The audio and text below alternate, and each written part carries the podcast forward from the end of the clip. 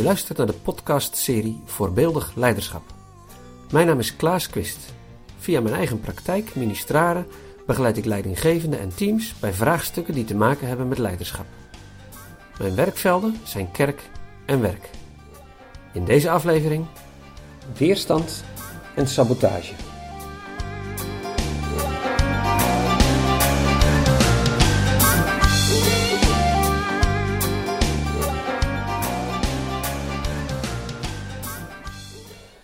Weerstand. Volgens het woordenboek van Dalen is weerstand tegenstand of verzet. Je wordt tegengewerkt.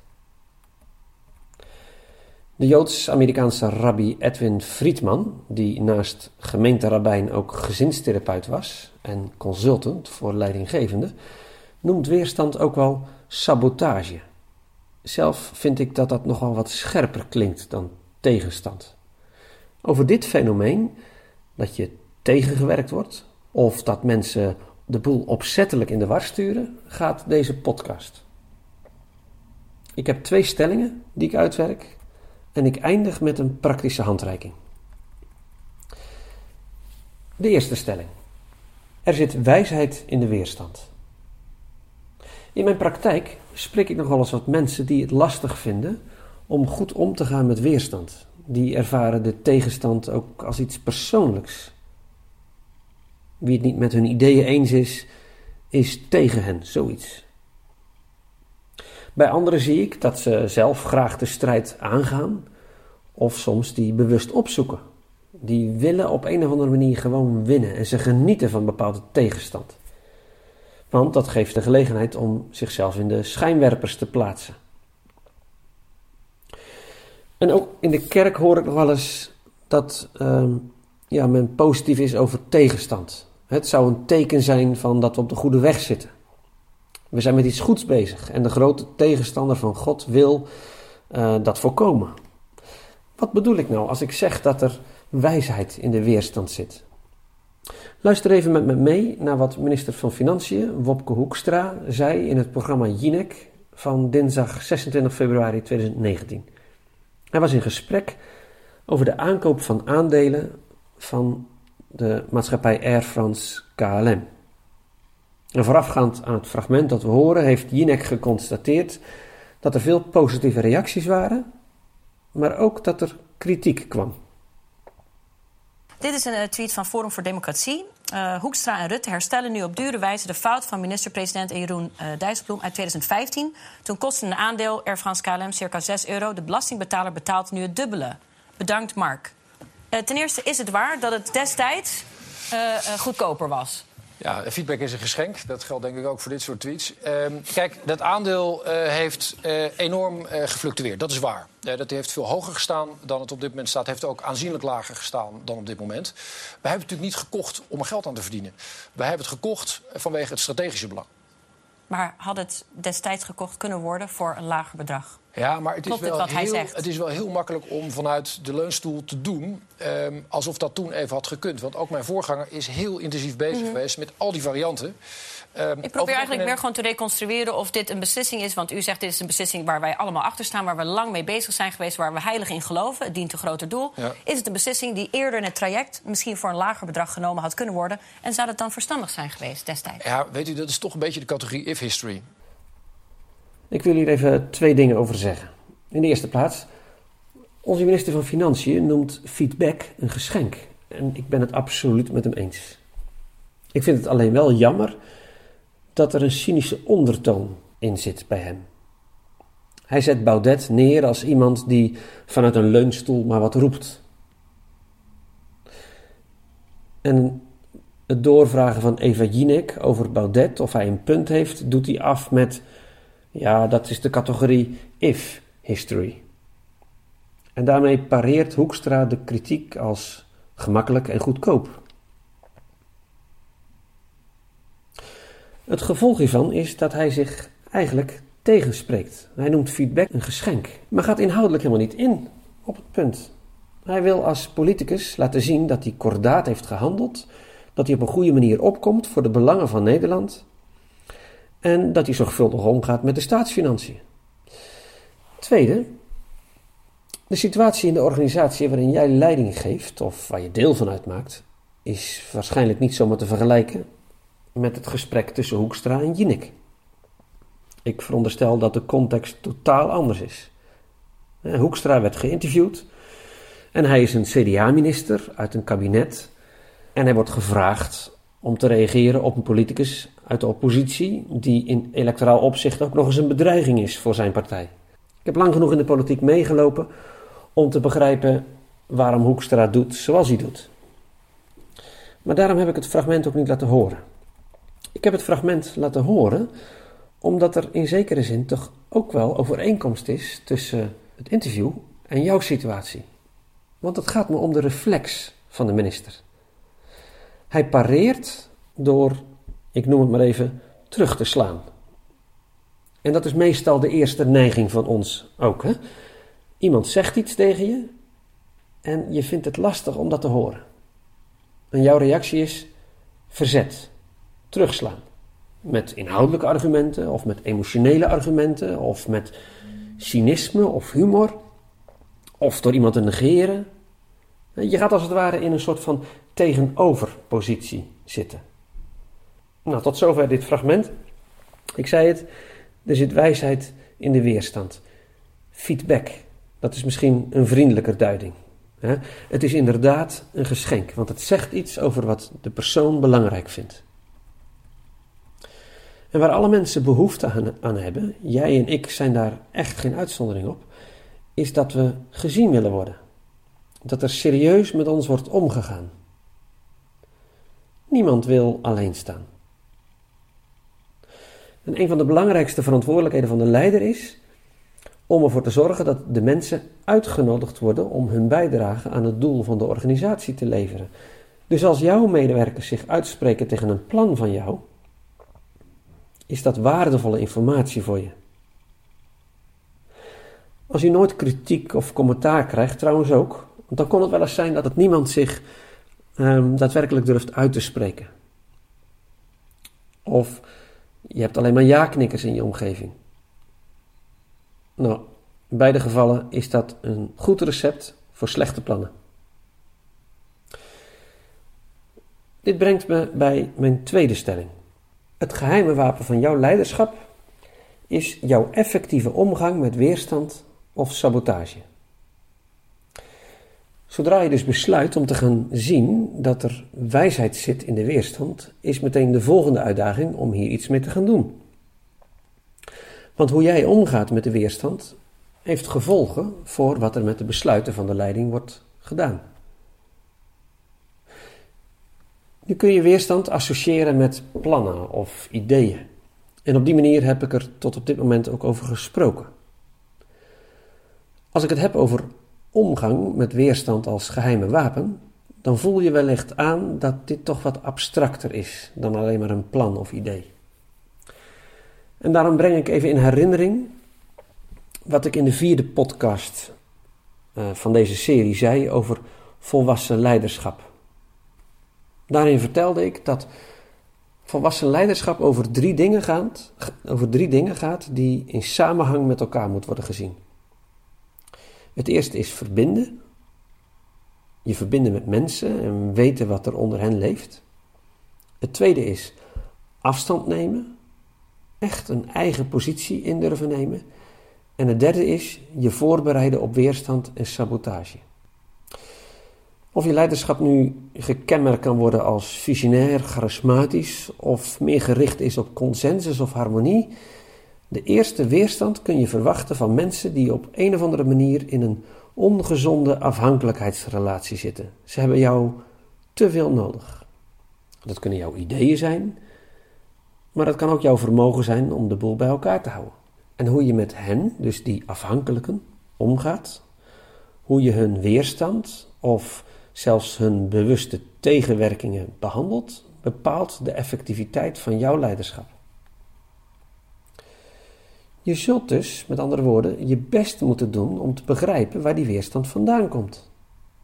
Stefan Covey zegt hierover dat leiders het belangrijker moeten vinden om anderen te begrijpen in plaats van zelf begrepen te willen worden. En daarmee kom ik in feite terug op wat ik aan het begin van deze podcast al zei: dat iedereen de behoefte heeft om gezien te worden. Door je te verdiepen in de ander, kom je erachter wat voor hem of haar belangrijk is.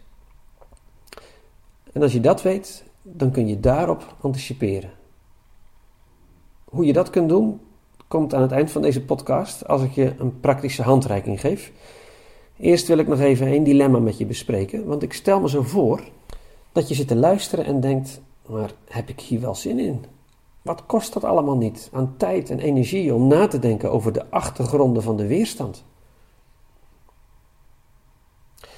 Ter overweging geef ik je twee voorbeelden uit mijn eigen praktijk. Ik sprak een tijdje geleden een ondernemer die weerstand zelf ook maar lastig vond. Hij zat op een wat meer autocratische stijl van leidinggeven, maar hij constateerde ook wel dat dit niet genoeg was. En door zijn opstelling organiseerde hij dus eigenlijk zijn eigen verzet. En daar was hij, om het zo maar te zeggen, ook wel klaar mee. Dus in het gesprek vroeg ik hem hoe hij met zijn klanten omging. Al pratend constateerde hij dat hij eigenlijk altijd zijn best doet om de wens van de klant echt te begrijpen. En op die manier kon hij vaststellen of het product van zijn bedrijf, uh, ja, hoe dat het beste kon aansluiten bij de wensen van de klant. Kijk, zei ik. Stel je nu eens voor dat je jouw medewerkers als klanten gaat zien. Het is misschien even wennen, maar gebruik jouw vaardigheid om jouw klanten goed te kunnen begrijpen ook eens om jouw medewerkers goed te begrijpen. Daarmee verminder je gegarandeerd het verzet. Nou, dit veranderde het perspectief van deze ondernemer en gaf hem het gevoel van ja, dit kan ik wel. Want anderen begrijpen, dat lukt hem ook wel met zijn klanten. Dus waarom zou dat ook niet met zijn medewerkers kunnen? Tweede voorbeeld. Ik werd gevraagd om een gemeentevergadering te leiden in een kerk waar het nodige aan de hand was. De kerkraad had een plan waarvoor ze de instemming van de gemeente wilden hebben. En in de voorbereiding kwam ik er al snel achter dat ze eigenlijk maar één uitkomst wilden: positief. En of ik dat dan even kon regelen. Het voorstel van de kerkraad, het plan dat ze hadden, vond ik op zich goed, maar de methode om tot een besluit te komen sprak mij totaal niet aan. Dus ik stelde voor mezelf een grens en zei dat ik de gemeentevergadering best wilde leiden, maar alleen als ik het op mijn manier mocht doen. En de belangrijkste voorwaarde was dat de kerkraad het idee losliet dat het eigenlijk alleen maar oké was als de gemeente instemde met hun voorstel. Ik vond dat de stem van de gemeente echt serieus genomen moest worden en dat de uitkomst van de vergadering ook zou moeten kunnen zijn dat het voorstel van de kerkraad werd verworpen. Nou, kostte enige moeite, maar uiteindelijk ging de kerkraad hiermee akkoord. En mijn inschatting bleek juist te zijn. Ik veronderstelde namelijk dat er kritische vragen gesteld zouden worden. En dat er wellicht alternatieven zouden worden aangedragen. En ik dacht dat het niet goed zou zijn als de aanwezigen het gevoel zouden hebben dat ze alleen maar mochten instemmen met het plan van de kerkraad. Dus in de vergadering gaf ik alle ruimte, met als gevolg dat mensen zich echt serieus genomen voelden. Er ontstond een mooi, maar soms ook wel scherp gesprek. Maar aan het eind van de avond was de conclusie dat het plan van de kerkraad was verrijkt met de inzichten uit de gemeente. En zo werd het aangenomen. De kerkraad zag dat door mijn aanpak de omgang met weerstand inderdaad iets vertelt over de effectiviteit van je leiderschap. Maar nu denk je misschien aan de hand van deze twee voorbeelden dat ik je een trucje wil leren. Nee, ik wil je geen trucje of een techniek leren. Als je het alleen maar om de truc of de techniek doet zonder dat je het echt meent, dan heeft het geen zin. Iedereen met wie jij samenwerkt, of dat nou eh, in de kerk is, of op het werk, of in een andere uh, situatie, die zal dat onmiddellijk doorhebben. In de arbeids- en organisatiepsychologie wordt het begrip political skill of politieke vaardigheden gebruikt. Dat heeft niks te maken met het besturen van een land of met provincie of, of gemeente of zo. Hè? Dus niets met de politiek te maken. Maar ze bedoelen hiermee de vaardigheid waarin iemand in staat is om anderen te beïnvloeden, om dat te doen wat goed is voor die persoon of voor de hele organisatie. En daarin maken ze onderscheid tussen wat zij vier dimensies uh, noemen. En een van die vier dimensies is de oprechtheid, de sincerity. Heeft jouw omgeving werkelijk het idee dat je open, eerlijk en vertrouwenswaardig bent? Nou, een onderzoek laat zien dat leiders die die oprechtheid, en die andere drie elementen zijn uh, sociale intelligentie, interpersoonlijke invloed en je vermogen om mensen aan elkaar te verbinden, netwerken en die netwerken ook te gebruiken. Hè. Onderzoek laat zien dat die vier vaardigheden de effectiviteit van het leiderschap echt vergroot. Ten slotte mijn praktische handreiking. In de trainingen die ik geef gebruik ik nog wel eens de volgende methode. Bedenk wat voor reacties er kunnen komen op voorstellen of plannen die jij hebt. Welke commentaren verwacht je? En dat kan zowel positief zijn als negatief. Uh, dat kan ongezouten kritiek zijn of misschien heel uh, nou, verhuld uh, gebracht. Nou, al die dingen die jij als mogelijke reacties ziet, die schrijf je op. En vervolgens maak je bij elk van deze mogelijke reactie een tweetal inschattingen. De eerste inschatting is: hoe groot is de kans dat ik deze reactie krijg? En de tweede inschatting is: hoe ernstig is dat voor het vervolg? En deze beide inschattingen geef je een cijfer op de schaal van 1 tot 10. Hoe groter het getal, des te groter de kans of de ernst. En daarna vermenigvuldig je deze twee cijfers met elkaar, dus kans keer ernst. En van alle uitkomsten die boven de 50 zijn, bedenk je een mogelijke maatregel of reactie. Nou, deze eenvoudige stappen kunnen je helpen om uh, nou, je voor te bereiden op de commentaren die je krijgt op de ideeën die je hebt. Nou, mocht je niet helemaal begrijpen wat ik bedoel, Download dan even het document dat uh, in de link bij deze podcast staat. Samenvattend, zie weerstand niet als tegenstand alleen, maar heb de moed om er de wijsheid in te zoeken. Het zal jou, jullie leiderschap effectiever maken. In de volgende aflevering van deze podcastserie ga ik verder met hoe je besluiten kunt maken waar iedereen zich in kan vinden.